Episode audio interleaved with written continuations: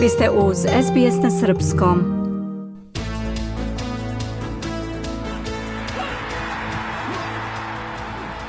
U nastavku opširni sportski izveštaj. Futbalska reprezentacija Srbije savladala je Sloveniju 4-1 u drugom kolu Lige nacija. Zadovoljan sam igrom i rezultatom, izjavio je trener Dragan Stojković za radioteleviziju Srbije. Mislim da je za Srbiju večeras bilo sve onako, da kažem, idealno. Dominirali smo, imali smo potpunu kontrolu utakmice i rezultat ne treba da čudi. Mislim da da su golovi dolazili upravo iz tog razloga jer, jer smo jednostavno zaslužili.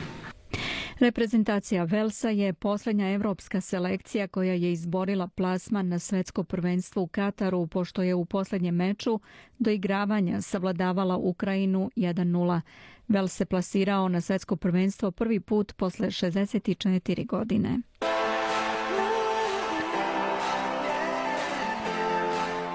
U okviru EFL lige ekipa Fremantle zabeležila još jednu pobedu nad Brisbaneom juče u Pertu.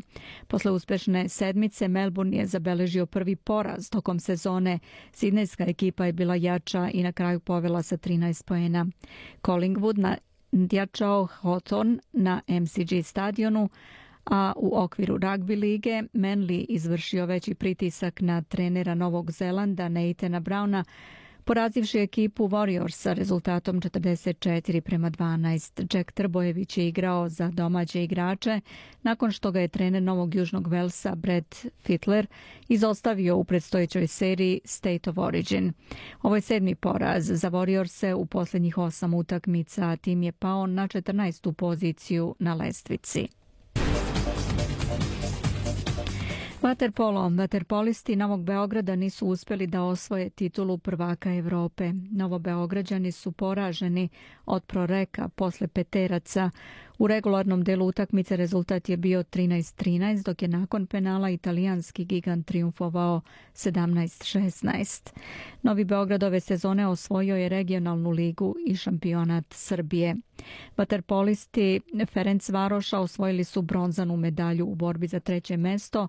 Prvak Mađarske je savladao Brešu 14-12.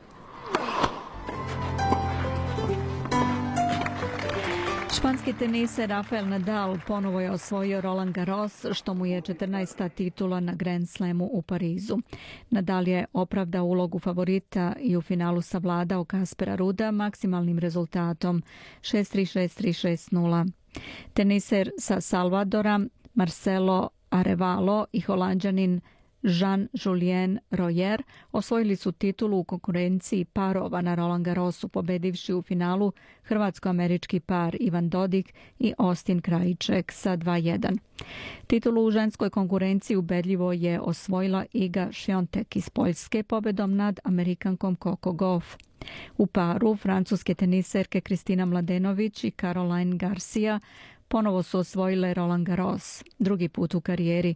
Mladenovićeva i Garcia u finalu ženskog dubla savladale su Coco Goff i Jessica Pegulu iz Sjedinjenih američkih država.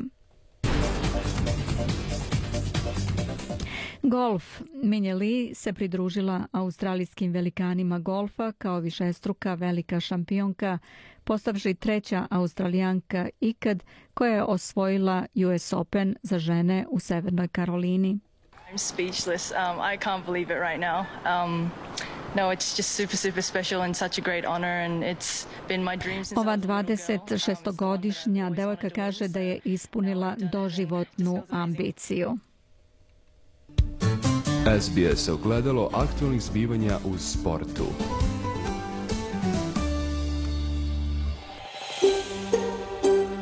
Želite da čujete još priča poput ove? Slušajte nas na Apple Podcast, Google Podcast, Spotify ili odakle god slušate podcast.